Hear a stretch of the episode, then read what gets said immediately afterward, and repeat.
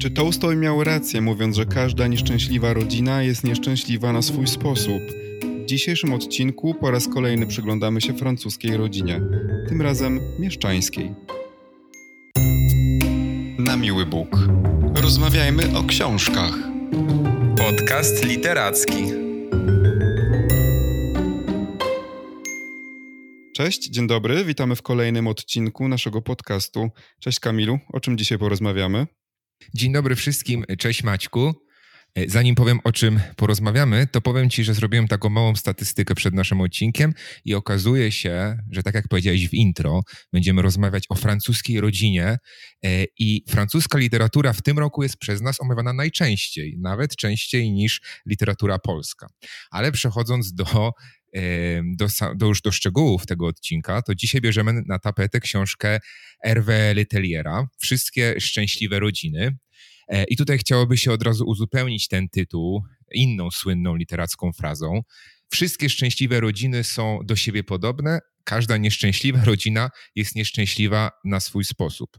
I rzeczywiście to pierwsze zdanie, które zacytowałem, pochodzące z Anny Kareniny Lwa Tołstoja, było bezpośrednią inspiracją dla francuskiego pisarza, który stworzył książkę, o której dzisiaj porozmawiamy. Wszystkie szczęśliwe rodziny wydane przez wydawnictwo Filtry i przetłumaczone przez Wiktora Duskiego. To jest autobiograficzna opowieść o samym autorze, no i o jego najbliższych, szczególnie o matce, dziadku i ojczymie. E, książka w języku oryginalnym we Francji wydana była już w 2017 roku. U nas jest to natomiast pozycja świeża, tegoroczna, ale myślę, że w żaden sposób nie tracąca na aktualności. Ja może tylko przypomnę, że Hervé Letelia gościł już w naszym podcaście. E, półtora roku temu omawialiśmy Anomalię. We Francji powieść bestsellerową, która zdobyła nagrodę Goncourtów i pobiła wiele rekordów na tamtejszym rynku literackim. E, ta książka została również świetnie przyjęta w Polsce. E, u nas także była jedną z najchętniej czytanych powieści. Sam poleciłem anomalię wielu osobom, bo no, w całej rozciągłości zgadzam się z Javierem Serkasem, e, który był, jest przewodniczącym hiszpańskiego jury hiszpańskiej Nagrody Goncourtów i on wtedy powiedział o tej książce, że ma ona coś, co mają wyłącznie wielkie powieści, jest łatwa do czytania i trudna do zrozumienia.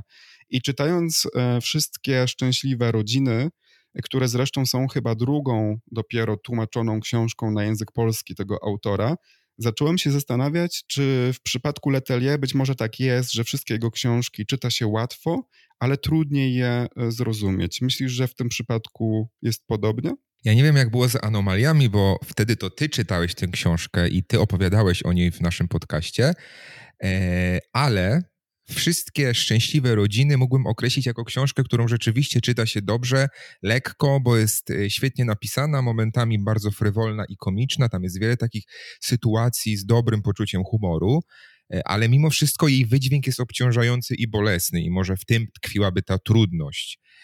Ale w w przypadku opowieści o rodzinie, to, że one są ciężkie i bolesne, to nie jest jakaś specjalna też nowość, prawda? Tak, zgadza się. Zresztą chyba dobra literatura nas przyzwyczaiła do tego, że jednak porusza tematy trudne, no bo po co pisać o czymś, co, co działa. E, ja przyznam, że no tak, czyta się świetnie tę książkę, no bo też Letelier jest wspaniałym pisarzem, takim bardzo precyzyjnym i posługującym się świetnym językiem. A przy tym czujemy, że on jest erudytą, że jest niezwykle inteligentny, jest bardzo oczytany. Dowody tego znajdziemy w każdym rozdziale tej książki. E, no ale nie ma tutaj żadnej zagadki czy skomplikowanej gry z czytelnikiem, tak jak było to w przypadku Anomalii, więc pod tym względem nie jest to książka aż tak trudna do zrozumienia, natomiast ona jest pełna niuansów, Warto podkreślić, że jest też pełna nawiązań do sztuki, głównie literatury. E, Letelier przywołuje dziesiątki książek, których e, brak znajomości no może w jakimś sensie utrudnić zrozumienie tych detali, ale myślę, że trochę na innym poziomie, nie na takim merytorycznym, tylko na poziomie powiedzmy wyobraźni i w żaden sposób nie przeszkadza to w czytaniu. Na pewno jednak ta książka moim zdaniem wymaga ogromnego skupienia, właśnie aby nie przegapić pewnych no, pewnych detali. Myślę też, że warto zaznaczyć, że jest to książka zupełnie inna niż Anomalia. Przede wszystkim jest z zupełnie innej półki, no bo to ani nie jest książka rozrywkowa, ani nie jest to powieść. Jest to bowiem tekst wpisujący się we francuską tradycję pisania biograficznego z naciskiem właśnie na klasy, pochodzenie, konflikty i takie napięcia wewnątrzrodzinne, powiedzielibyśmy. Oczywiście jest to kontynuacja pisania Eni Ernaux, Didiera Eribon i Edwarda Louis. E, uśmiecham się, bo raptem trzy tygodnie temu rozmawialiśmy o zmaganiach i metamorfozach kobiety Edwarda Louis i mogłoby się wydawać, że no trochę męczymy ten temat, tak jak powiedziałeś e, o statystykach na początku naszego nagrania, że faktycznie, naszej rozmowy, że faktycznie to jest temat, po który w tym roku sięgamy dosyć często. No ale ta nowość od Letelier zainteresowała mnie z dwóch powodów. Po pierwsze, autor rozlicza się ze swoją matką, chociaż możemy chyba powiedzieć, że rozlicza się z rodzicami, a dokładniej z matką, ojcem i ojczymem, chociaż te problemy oczywiście rozlewają się, e, rozlewają się dalej na całą rodzinę. I w tym kontekście myślę, że warto rozmawiać o tej książce zaraz po Louis e, albo w jego towarzystwie, bo pojawiają się tutaj pewne różnice, które wydają mi się bardzo ciekawe. A po drugie, ta książka w naturalny sposób domyka ten temat. I też myślę, znowu nawiązując do Twoich statystyk, e, że w naszym podcaście to będzie też dobra książka, aby zamknąć ten temat i na dłuższy czas jednak opuścić literacką Francję. E, a domyka dlatego, że Letelier pisze z trochę innego punktu niż wymieniona wcześniej trójka, to znaczy oni wszyscy pochodzą e, z klasy robotniczej, natomiast Letelier opisuje swoją rodzinę z punktu widzenia mieszczanina, no, członka rodziny jednak majętnej i takiej, e, w której, nie wiem, dziedziczy się tajne konta w Szwajcarii, prawda, a pieniądze, czy nawet powiedzielibyśmy pewna rozrzutność finansowa, no, są stałą częścią tego paryskiego życia rodziny Letelier. No właśnie i e, ze względu na te różnice w pochodzeniu, e, tych autorów, których tutaj porównujemy, mogłoby się wydawać, że te relacje, relacje rodzinne będą odmienne, a jednak nie. U Liteliera y, są one również skomplikowane, przykre, bolesne, y, co u wspomnianych Erno, Eribona czy Luisa. E, I tak jak już powiedziałeś, Litelier y, ma mm, korzenie mieszczańskie i to w tej najwyższej warstwie mm, mieszczaństwa. E, znowu jego ojczym, po którym też nosi swoje nazwisko, pochodzi ponadto z rodu arystokratycznego, tak przynajmniej twierdzi, więc można powiedzieć, że w tej rodzinie pieniędzy nie brakuje e, i to mm, zarówno na poziomie, czy w trakcie już jego dzieciństwa, ale również w pokoleniu dziadków i potem właśnie rodziców. E, są wyjazdy zagraniczne, domki letniskowe, mieszkanie w Paryżu i, i, i, właśnie różne zaskakujące spadki po dalekich wujach i ciociach, co już nam powiedziałeś. No ale jednak ten dostatek nie równa się dobrym relacjom rodzinnym, nie równa się zrozumieniu czy równowadze e, pomiędzy członkami tej rodziny. E, problemy wydają się mieć trochę inny charakter niż te opisywane przez Erno czy Luisa, ale e, chyba pozostają, powiedziałbym, na tym samym poziomie skomplikowania i zawiłości. Chociaż też tak sobie myślę, jak się zastanawiam nad tym głębiej, że źródło tych problemów w tych dwóch światach, w tych dwóch klasach, robotniczej i mieszczańskiej, jest y, jednak chyba takie samo a różnica tylko tkwi jakby w sposobie materializowania się tych problemów. Ale o tym pewnie jeszcze e, porozmawiamy. Wracając jakby do samej budowy tej książki, to poszczególne rozdziały wszystkich szczęśliwych rodzin to jest taka e, próba przyjrzenia się kolejnym członkom rodziny autora, poczynając od dziadka Rafaela, który jest takim filarem tej rodziny, ostoją. On spaja e, członków rodziny, bierze pod skrzydła tych, którzy tego potrzebują, bo są w jakimś życiowym kryzysie. Jednocześnie też y, reprezentuje postawę takiego dumnego białego Francuza, który nie stroni od ksenofobii i, i rasizmu. E, dalej idziemy przez ojczyma autora Gaia Letelier, człowieka, można powiedzieć, marionetkę, który kompletnie jest podporządkowany matce autora, czyli Marcelinie, e, która według mnie stanowi główny punkt odniesienia w tej familijnej opowieści. E, to jest kobieta naprawdę głęboko wpływająca na życie swojego syna, zawłaszczająca, można powiedzieć, przez większość życia e, jego emocje w taki toksyczny sposób, stale mm, jakby odnosząca swoje życiowe decyzje do życia innych, obarczająca też innych za swoje jakby niepowodzenia i gorsze samopoczucie, szczególnie swoją siostrę, ciotkę autora. Więc jednym słowem to taki, taka wampirzyca energetyczna, ale wydaje mi się, że właśnie z jej powodu Hervé Letelier napisał w ogóle tę książkę. Tak, zdecydowanie. Jego matka jest w ogóle osobą okropną, jest zaborcza, wyniosła, nie szanuje ludzi, prowadzi takie bardzo fasadowe życie, ma przerośnięte aspiracje. Lista jest bardzo długa, mógłbym tak wymieniać. I to, tak jak powiedziałeś, ma bardzo poważne konsekwencje w relacjach z synem.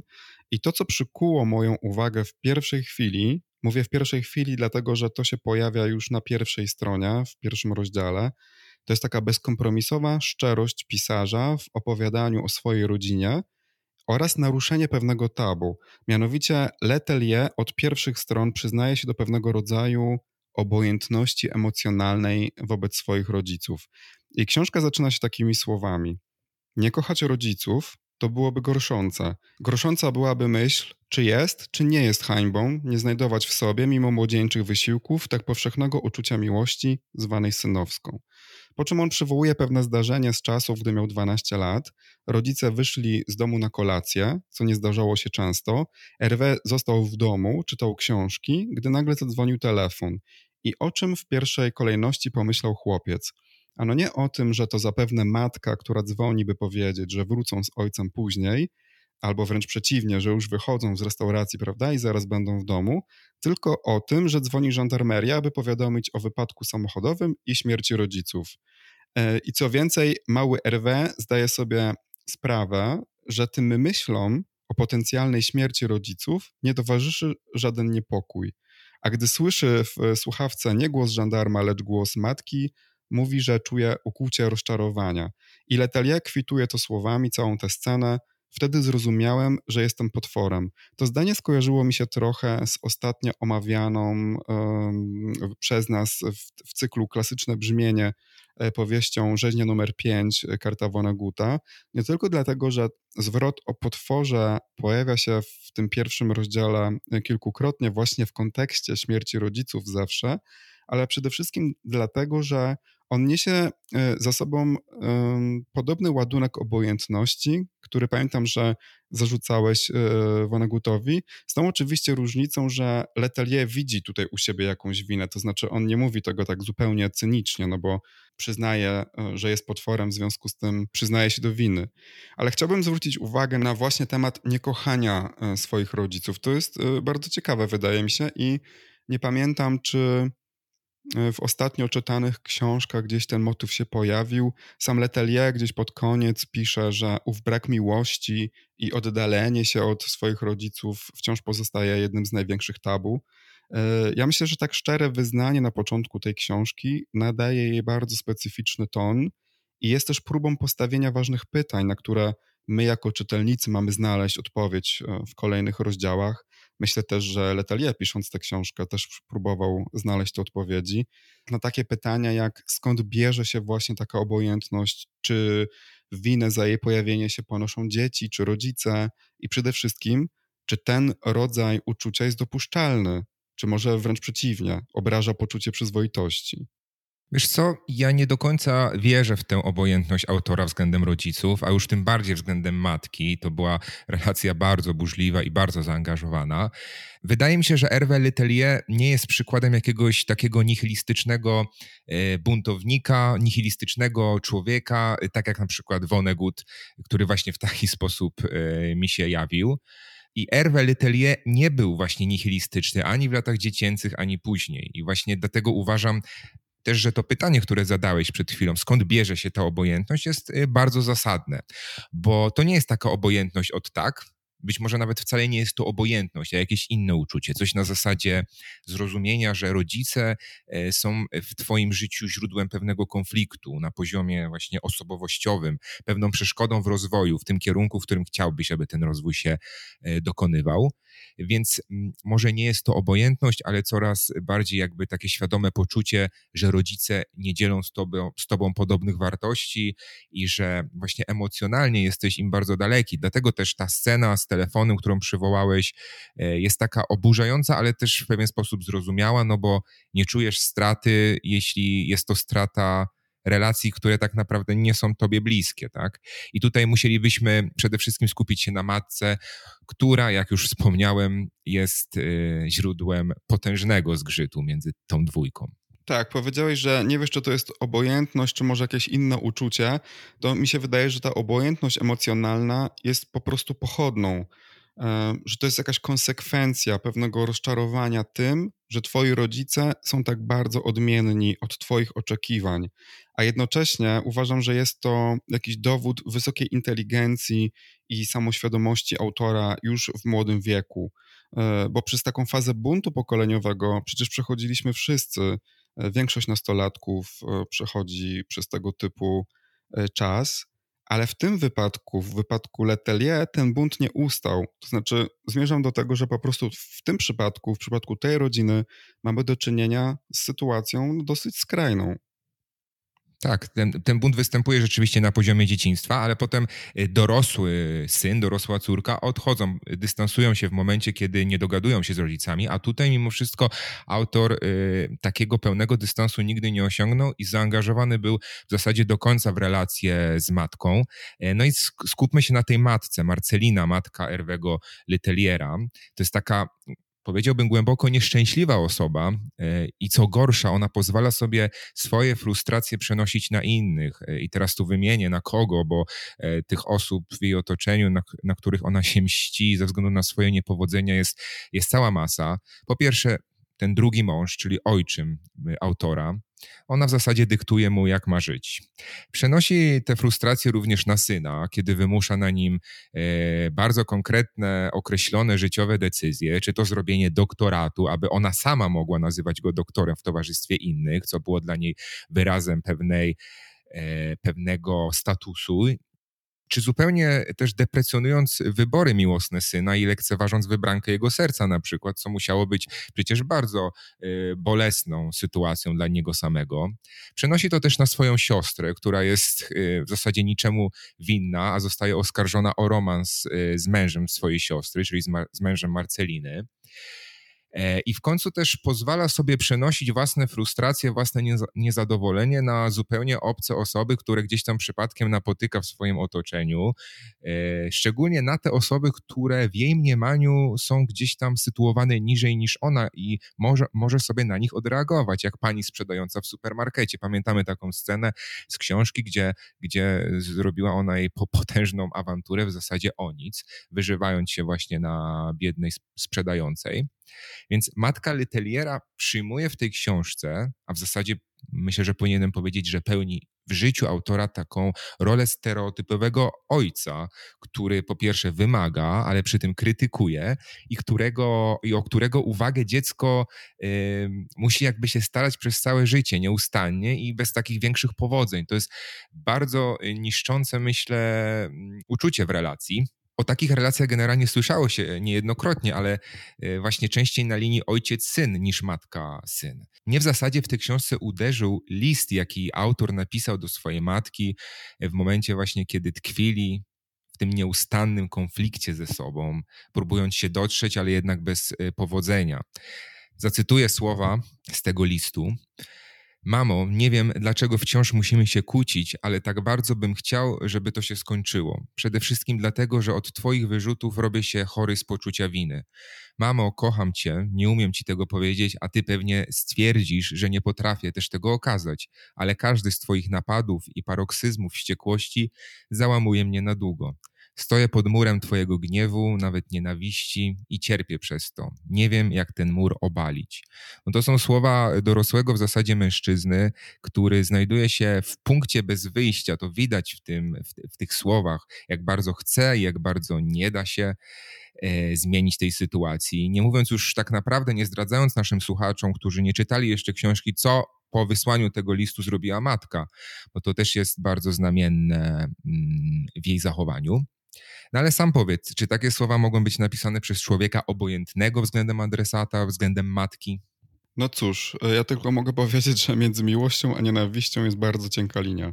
I często jedno nie wyklucza drugiego. To znaczy, ja naprawdę wierzę w to, że można się świadomie oddalić od swoich rodziców, a jednocześnie ich kochać. nawet oddalić emocjonalnie, a mimo to ich kochać. Dlatego, że to oddalenie jest po prostu mniejszym złem, albo zawsze będzie mniejszym złem. I Letelier pewnie chciałby, aby było inaczej, bo pewnie każdy w podobnej sytuacji by chciał, prawda? I dlatego pisze taki list, bo jednak próbuje. E, ale skoro nie może być inaczej, no to trzeba się okopać na bezpiecznej pozycji. Taką bezpieczną pozycją e, dla niego właśnie było to zachowanie dystansu, czy tej właśnie obojętności emocjonalnej, jak to nazwaliśmy. A według mnie właśnie on nigdy tego nie osiągnął, takiego dystansu, takiego poczucia, że może sobie na ten dystans pozwolić, bo za każdym razem, kiedy matka do niego pisała, e, dzwoniła, to on jakby odpowiadał na to wezwanie. Przyjeżdżał na spotkanie, spotykał się z matką, spotykał się z ojczymem. To jest też taka sytuacja, w której on pisze list bardzo zaangażowany emocjonalnie, mimo że w zasadzie jest już na swoim, a mimo to zależy mu na tych relacjach na tyle, by, by, by, by, coś takiego napisać. Wydaje mi się, że to jest sytuacja, w której on nie osiąga dystansu e, a już na pewno nie obojętności. To jest coś, co może by chciał zrobić, ale jednak jednak jego zaangażowanie emocjonalne e, w, w, w, w, tym rodzicielskim kręgu, w tym rodzinnym kręgu, e, no jest na tyle silne, że nie da się tego zrobić. Tak, on cały czas próbuje, ale mówiąc o dystansie czy o obojętności, właśnie mam cały czas na myśli ten przykład z pierwszego rozdziału, czyli on stara się wokół siebie zbudować coś w rodzaju tarczy, tylko że faktycznie on nie może okopać się tak w pełni na tej pozycji, prawda? Że jakby on y, stara się być emocjonalnie obojętny, dlatego że wie, że to po prostu sprawi, że jemu się będzie łatwiej żyło. No bo jeżeli na przykład y, czujesz y, brak miłości ze strony swoich rodziców, no to co ci pozostaje? No nie możesz żyć w wiecznym cierpieniu w związku z tym. Jedyne rozwiązanie, takie, które da ci pewien komfort psychiczny i bezpieczeństwo, jest tworzenie też sobie takiej sztucznej tarczy. Ja się zgadzam. Ja myślę, że w ogóle najtrudniejsze jest y, zupełnie zerwać relacje z rodziną. To jest y, sytuacja na jakby wybierając między, tak jak powiedziałeś, mniejszym złem, czyli albo zostawiać w toksycznej rodzinie, albo przejść przez taką sferę bólu i zupełnie zrezygnować z tych, e, z tych relacji, to myślę, że to są, to są wyzwania na jednym poziomie. Mhm. E, I autor e, boi się zrezygnować zupełnie z tych relacji, nie potrafi tego zrobić, dlatego decyduje się na taką ciągnącą się, ciężką, rodzinną gehennę właśnie w, tych, w tym takim sosie ciężkich emocji, e, toksycznych emocji.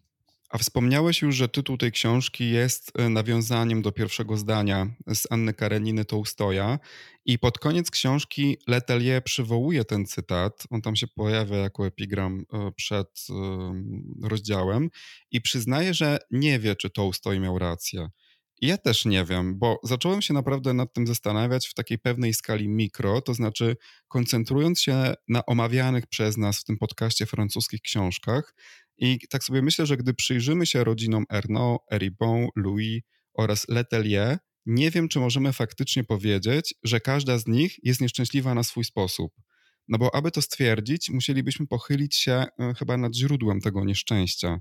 I w pierwszej chwili pomyślałem oczywiście, że tym źródłem nie jest pochodzenie klasowe, lecz po prostu brak miłości, no bo jedna z tych rodzin pochodzi jednak z innej klasy. Ale później naszły mnie pewne e, wątpliwości i pamiętam, że ostatnio zarzucałeś właśnie Louis, że, że pisze o robotniczym pochodzeniu, e, które miałoby implikować wszelkie nieszczęścia, że wszystko co złe przydarza się ludziom ubogim, a mieszczański Paryż to piękny świat, do którego należy aspirować, bo tam jest właśnie szczęście. E, pamiętam, że tak przynajmniej według ciebie e, wydawał ci się pisać Louis w tej książce, którą omawialiśmy ostatnio.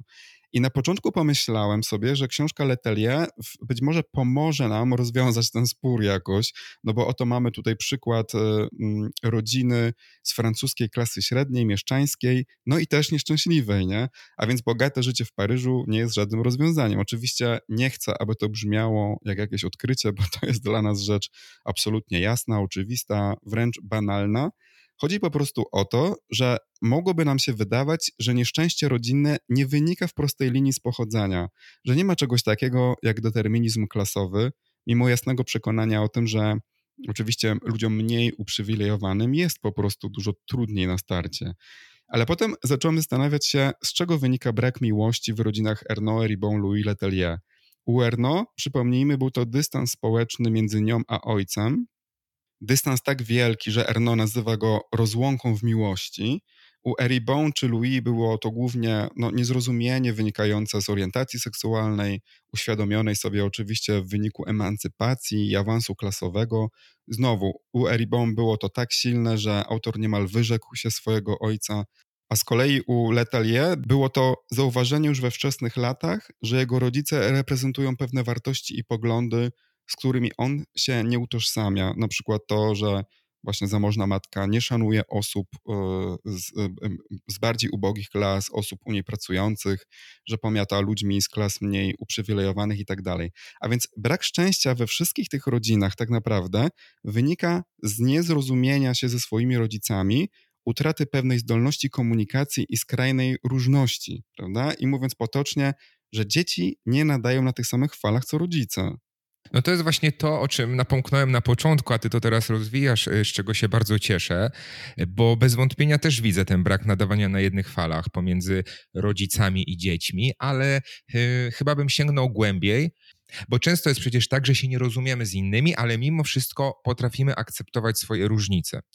E, I ta akceptacja różnych poglądów i jakby niewymuszanie na innych tego, by, myśl, by myśleli tak jak my, e, to według mnie wynika z takiego nabycia pewnego szacunku i wyrozumiałości względem drugiego człowieka, a szczególnie właśnie to, to się objawia względem ludzi, którzy są nam bliscy.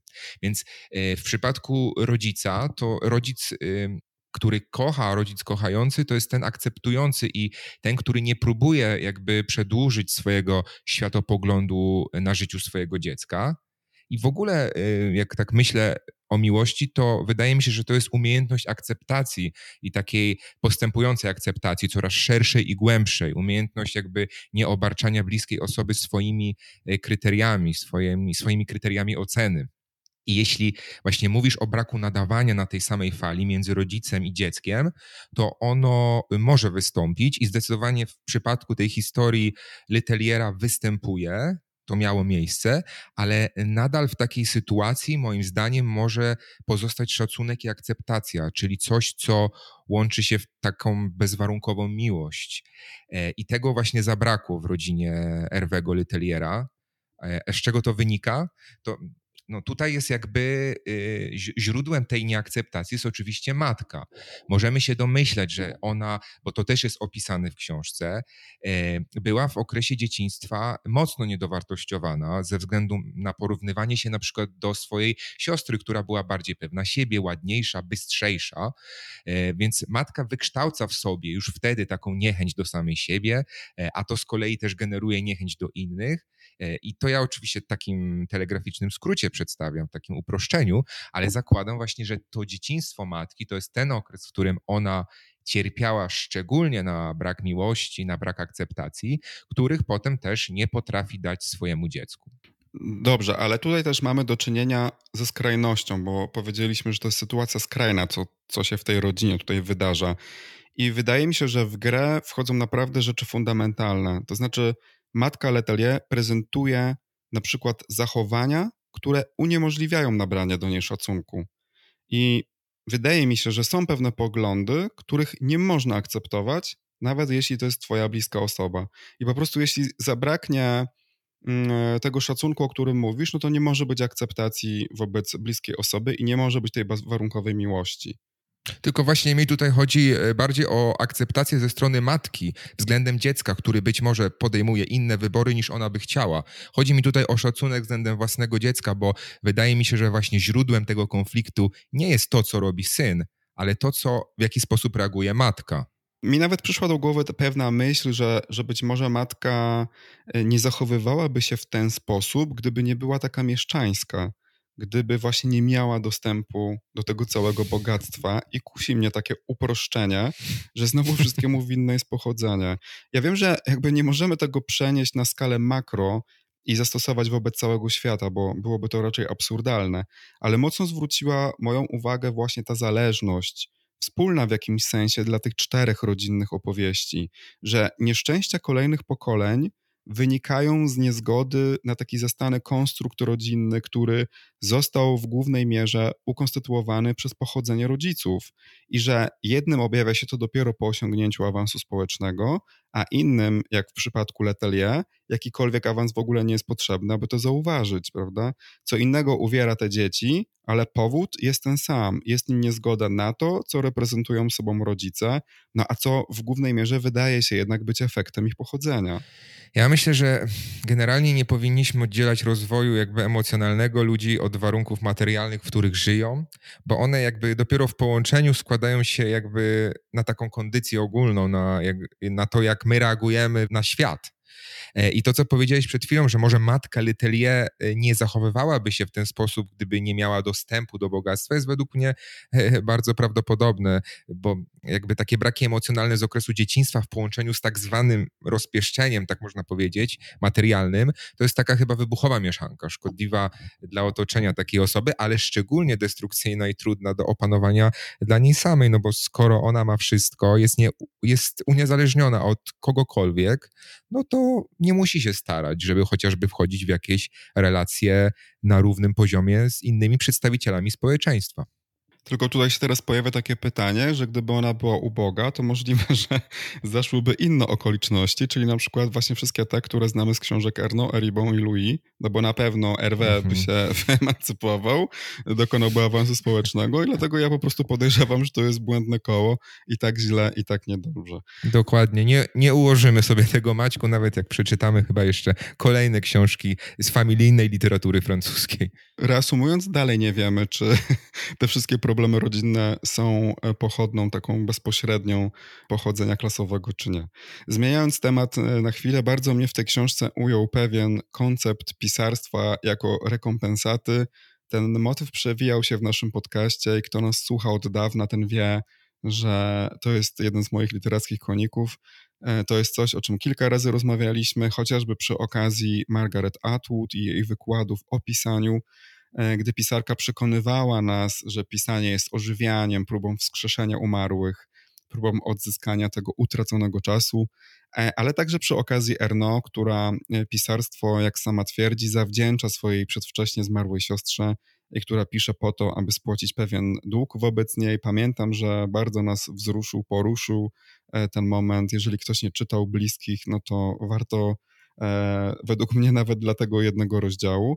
E, a teraz przy Letelier, który wyznaje, Wiem też, że ponieważ nie mogłem żyć w świecie moich rodziców, ani w ogóle w świecie, który był, bo nie mogłem w nim oddychać, chciałem go zmienić, zanim jeszcze przyszło pragnienie wymyślenia innego świata, mojego, mojej osobistej kreacji, w którą wciągnę innych.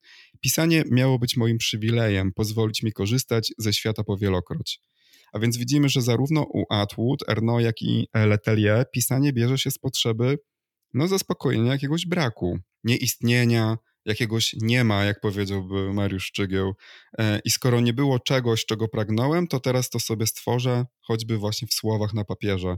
Bardzo mnie w ogóle ten moment zasmucił, e, w bądź to bądź dosyć śmiesznej i ironicznej książce, e, no może nie tyle zasmucił, co po prostu ujął, a muszę przyznać na koniec, bo myślę, że zmierzamy już do końca naszej rozmowy, że emocje to mój największy zarzut e, wobec tej książki, a dokładnie ich brak. Uważam, że było tego za mało, przez to ta książka, choć podkreślam, że naprawdę świetnie napisana, nie udało jej się przywiązać mnie do siebie i chyba w opisywaniu na przykład e, swojej matki już bardziej podobał mi się miejscami ten historyczny Louis. E, ale też wiesz co, nie wiem, czy nie wynika to z pewnej analityczności e, tego tekstu Letelier, takiego suchego dosyć opisywania faktów.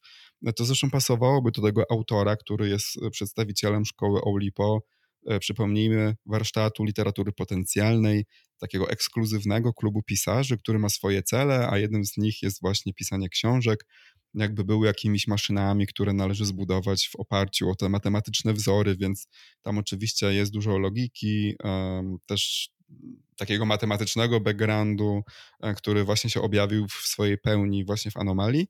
E, no ale też e, dopuszczam taką możliwość, że winny jest tu czytelnik, czyli ja, ostatnio osoba bardzo rozkojarzona, żyjąca trochę z głową w chmurach, a tak jak mówiłem, ta książka wymaga no, dużego skupienia żeby wyłapać te wszystkie powiązania, bo one są właśnie bardzo ukryte, są gdzieś tak pomiędzy wierszami w wielu momentach, nie są powiedziane wprost. I jeszcze jest trzecia możliwość, że faktycznie być może jest tutaj winne zmęczenie tego francuskiego materiału, tematu.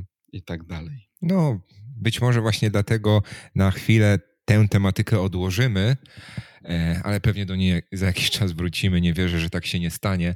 E, to podzielę się jeszcze na koniec, skoro to już koniec końców tej rozmowy, to podzielę się takim, e, takim moim zastanowieniem, które w przypadku czytania powieści autobiograficznych się pojawia, bo przychodzi mi do głowy mm, to, czy ja byłbym w stanie na przykład odtworzyć chronologicznie wydarzenia e, w życiu mojej rodziny e, i znaleźć między innymi takie właśnie powiązania przyczynowo-skutkowe, tak jak robi to Letelier. Oczywiście nie chodzi mi o taki poziom artystyczny, pisarski, ale po prostu chodzi mi o chronologię, merytorykę.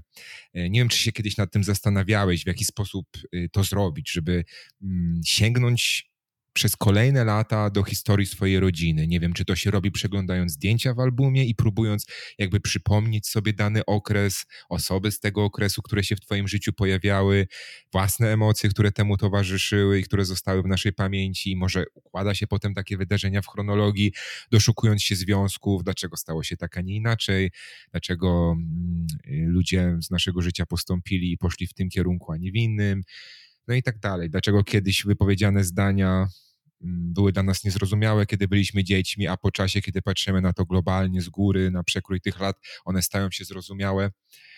E, zastanawiam się po prostu nad tym, czy to jest, czy to jest do zrobienia i czy potrafiłbym stworzyć sam taką logiczną, spójną historię swojej rodziny, jaką stworzył Litelier, bo to jest ponoć pytaniem każdego z nas jest to, po co jesteśmy na tym świecie i, i chyba można to zrobić tylko dzięki takiej globalnej analizie swojego życia od początku do końca.